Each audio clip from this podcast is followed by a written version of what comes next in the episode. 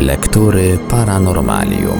Dziś w lekturach Paranormalium sięgniemy po jedną z książek Lucjana Znicza z cyklu Goście z kosmosu, a mianowicie Katastrofa tunguska, Trójkąt Bermudzki, Obce ślady. Tytuł książki mówi właściwie wszystko. Przedstawione w przystępny dla czytelnika sposób informacje na temat słynnej katastrofy tunguskiej, osławionego obszaru na Atlantyku zwanego Trójkątem Bermudzkim oraz różnych mających miejsce na Ziemi anomaliów. Książkę tę na naszej antenie prezentujemy w odcinkach w całości.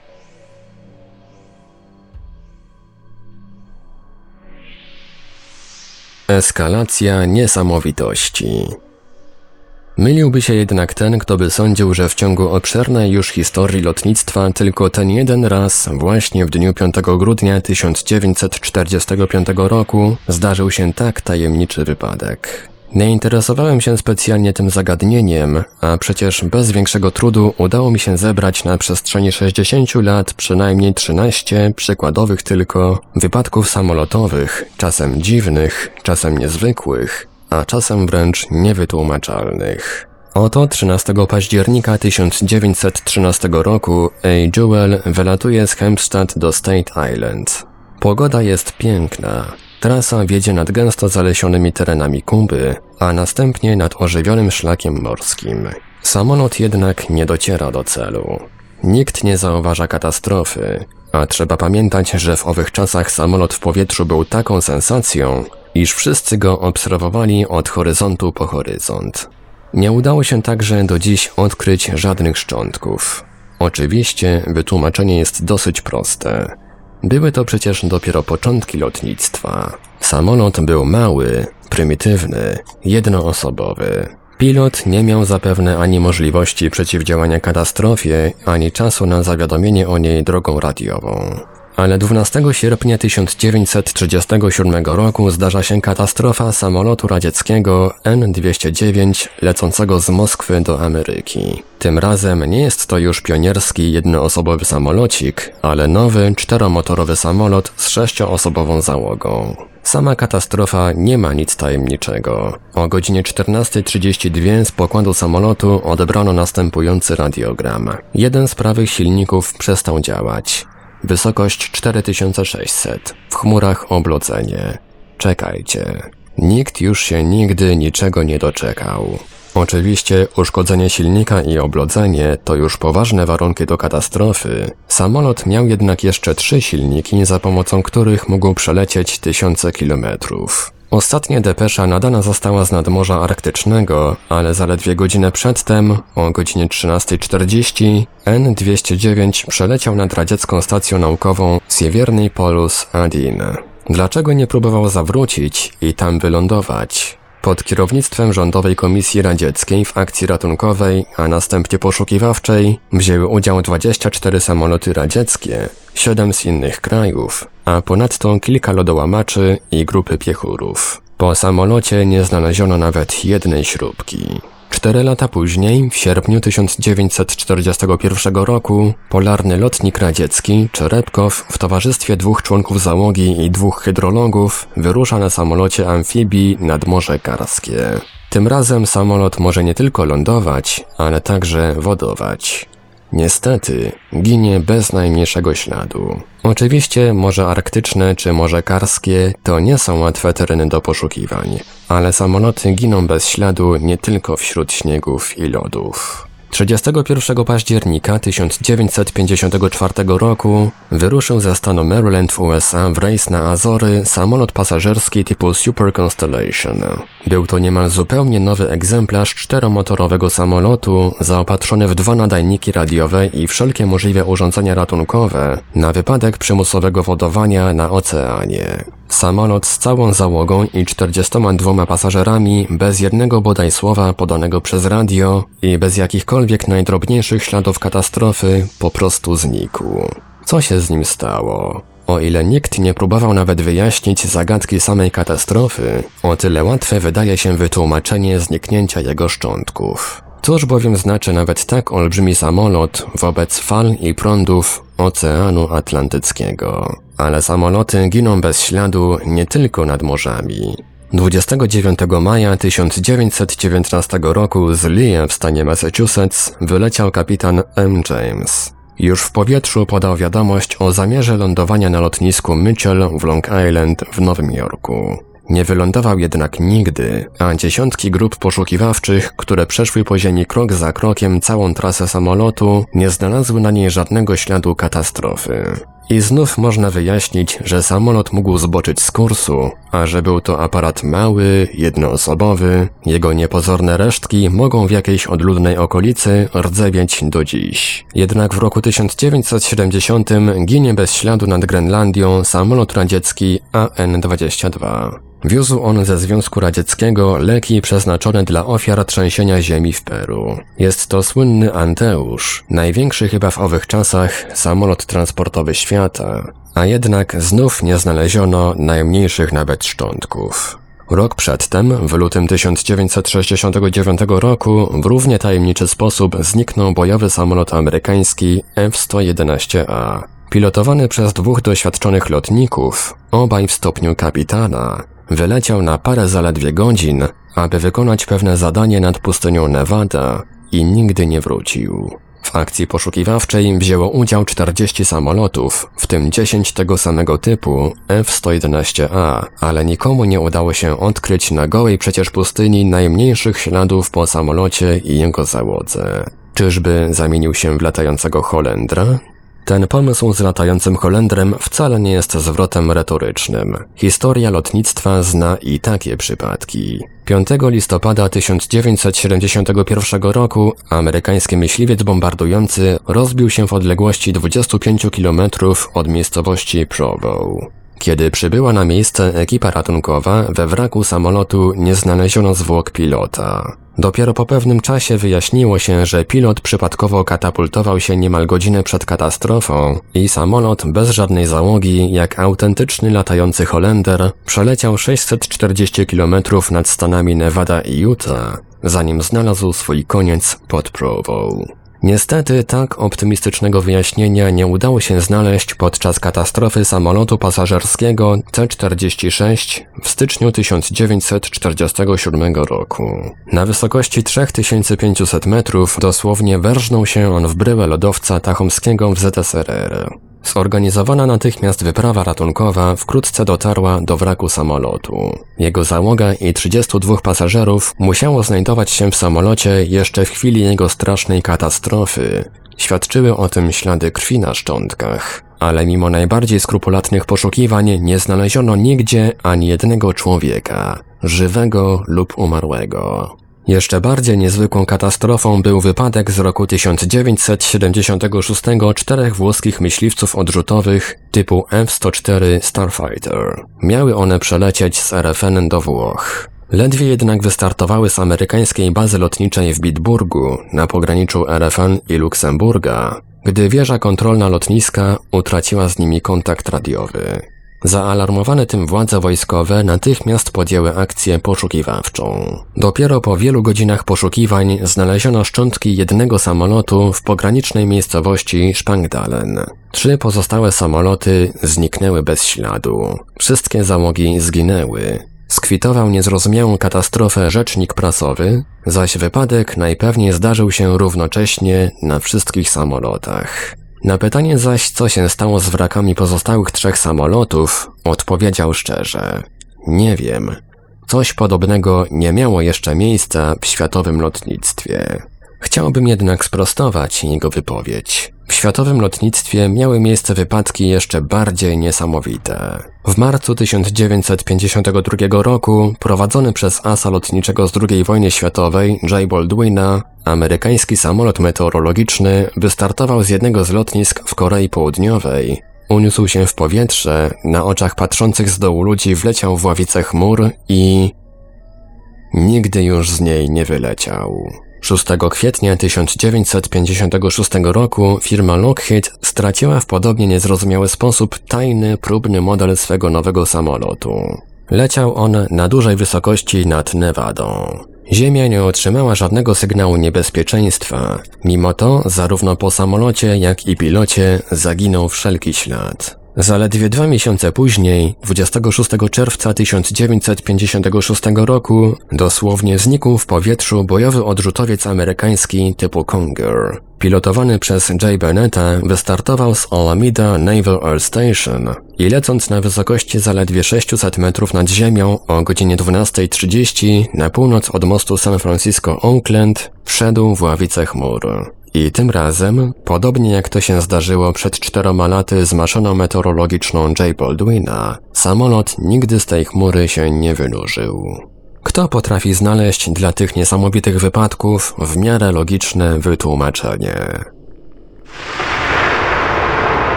Lektury Paranormalium.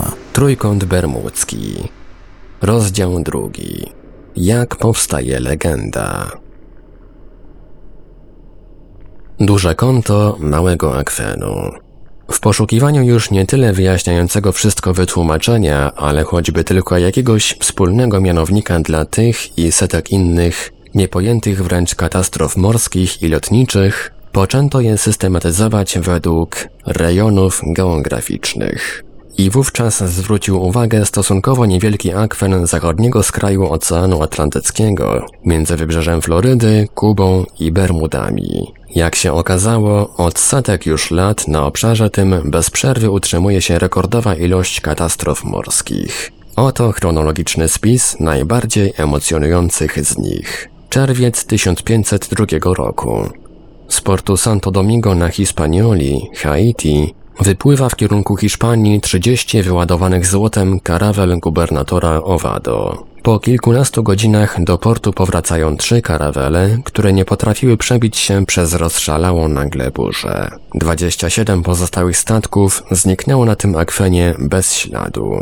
Lipiec bądź sierpień 1800 roku. Różne źródła podają różne daty.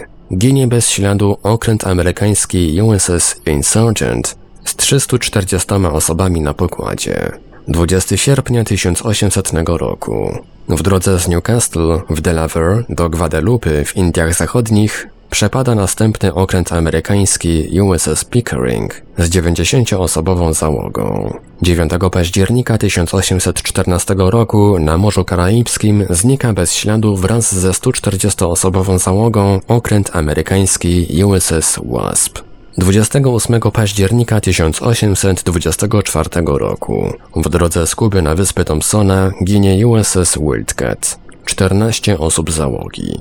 23 września 1856 roku amerykański parowiec Pacific z 280 pasażerami na pokładzie wyruszył z Liverpoolu do Nowego Jorku.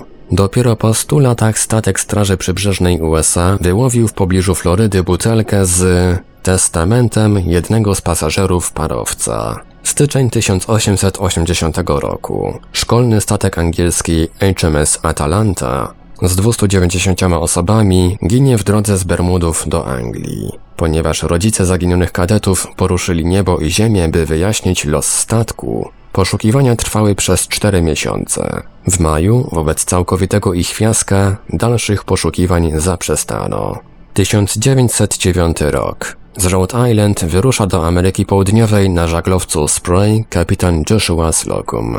Była to jedna z najbarwniejszych postaci owych czasów. Od 14 roku życia zapalony żeglarz, kapitan kilku statków amerykańskich, potem właściciel barki Equidneck, a następnie jachtu Limberdate, nie rozstawał się z morzem przez całe życie.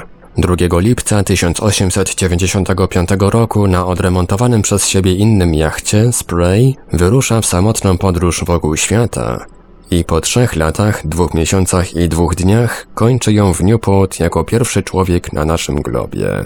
Po takich doświadczeniach jego wyprawa do Ameryki Południowej jest iście wczasową przejażdżką. Przebył ją już zresztą trzykrotnie, w latach 1905, 1907 i 1908. A jednak podczas tej ostatniej przejażdżki ginie bez śladu, którego daremnie przez wiele miesięcy poszukuje jego syn Victor Slocum. 4 marca 1918 roku. W dniu tym wyrusza z Barbados statek zaopatrzeniowy amerykańskiej marynarki wojennej USS Cyclops. Jest to olbrzymia nowoczesna jednostka o długości 152 metrów i nośności 19 tysięcy ton, zaopatrzona w dwie śruby okrętowe. Miała ona za zadanie dostarczyć do Virginii węgiel oraz 11 tysięcy ton cennej rudy manganowej. Na pokładzie znajdowało się 309 osób załogi i kilkunastu pasażerów. Wśród nich m.in. wracający z Brazylii amerykański konsul generalny. Statek dowodzony był wprawdzie, jak to wykazało wszczęte później szczegółowe śledztwo, przez kapitana pochodzenia niemieckiego. Był to okres wojny Stanów Zjednoczonych Ameryki z Niemcami o poważnych zaburzeniach umysłowych, ale, o ile to może usprawiedliwiać niezawinione bądź nawet celowe zatopienie statku, nie tłumaczy to w żadnym wypadku całkowitego jego zaginięcia. A jednak. Przez trzy miesiące amerykańskie krążowniki i stawiacze min daremnie poszukiwały jakiegokolwiek śladu po Olbrzymie. Od momentu wypłynięcia z Barbados nie udało się odkryć żadnego jego śladu. Stwierdziło oficjalne sprawozdanie specjalnej komisji śledczej marynarki wojennej USA. Zniknięcie Cyclopsa jest jedną z najbardziej zagmatwanych zagadek historii marynarki. Wszystkie próby odnalezienia bodaj najmniejszego śladu zaginionego okrętu nie dały rezultatów. Istnieją liczne teorie, ale żadna z nich nie potrafi wyjaśnić zaginięcia w zadowalający sposób. Koniec cytatu. 1921 rok. W ciągu tego roku na akwenie tym ginie aż 11 niewielkich statków należących do Brazylii, Hiszpanii, Stanów Zjednoczonych, Wielkiej Brytanii i Włoch. 1925 rok. W drodze z Charleston do Hawany ginie bez śladu SS Cotopaxi. 1931 rok. W tym roku ofiarą akwenu staje się frachtowiec Stavanger. Ostatni meldunek otrzymano ze statku w chwili, gdy znajdował się w pobliżu Cat Island, wyspy Bahama. Od tego czasu nikt nie spotkał ani wraku, ani szczątków sprzętu ratunkowego, ani żadnego z 43 członków załogi. Marzec 1938 roku. Ginie bez śladu fraktowiec Anglo-Australian z 39-osobową załogą. Czerwiec 1950 roku.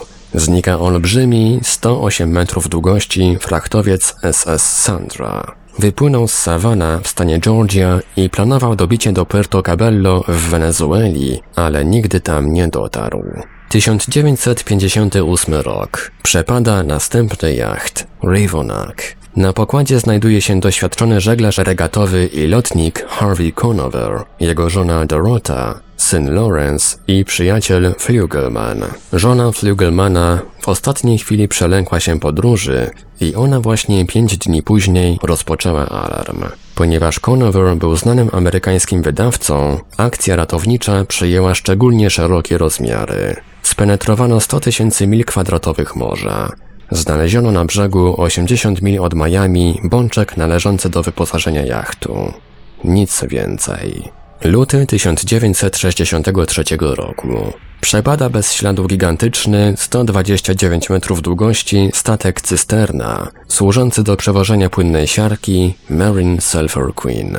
Wypłynął on z Beaumont w stanie Texas i miał dobić do Norfolk w stanie Virginia. Ostatni jednak radiowy meldunek ze statku otrzymano z pobliża Dry Tortugas. 1 lipca 1963 roku. W drodze z Kingston na Jamajce do North East Cay ginie kuter Snowbody z 40 osobami na pokładzie. Grudzień 1967 roku. 14-metrowy jacht wyścigowy Rivonko przepada nagle bez śladu w miejscu, skąd już widać było ląd. Listopad 1968 roku.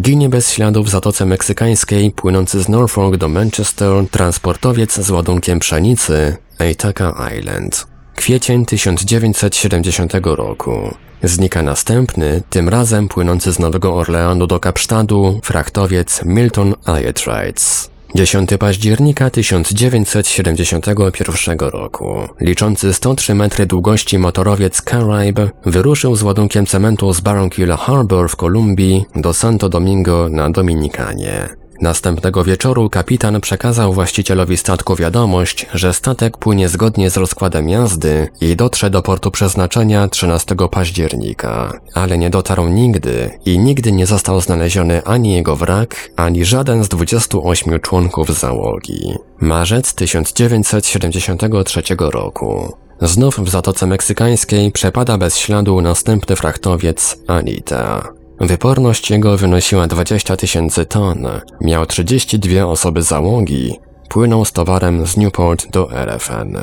19 października 1976 roku rozpoczęły się poszukiwania w tym rejonie kolejnego frachtowca, tym razem paramskiego, Sylwia L. Osa. Wypłynął on z ładunkiem rudy żelaza z Brazylii do Filadelfii i przepadł bez śladu wraz z 37 członkami załogi. Odkryto jedynie pustą łódź ratunkową z nazwą jednostki. Gwoli ścisłości podać muszę, iż Charles Berlitz, który w swojej książce The Bermuda Triangle wymienia większość z tych zaginionych statków i tak już imponujący ich rejestr uzupełnia jeszcze katastrofą amerykańskiego okrętu podwodnego Scorpion. Rzeczywiście, ostatnie meldunki dotarły z tego okrętu do dowództwa amerykańskiej marynarki wojennej w maju 1968 roku z pobliża tego akwenu, ale wrak jego z 99 marynarzami na pokładzie ostatecznie został odkryty daleko, aż 460 mil na południowy wschód od Azorów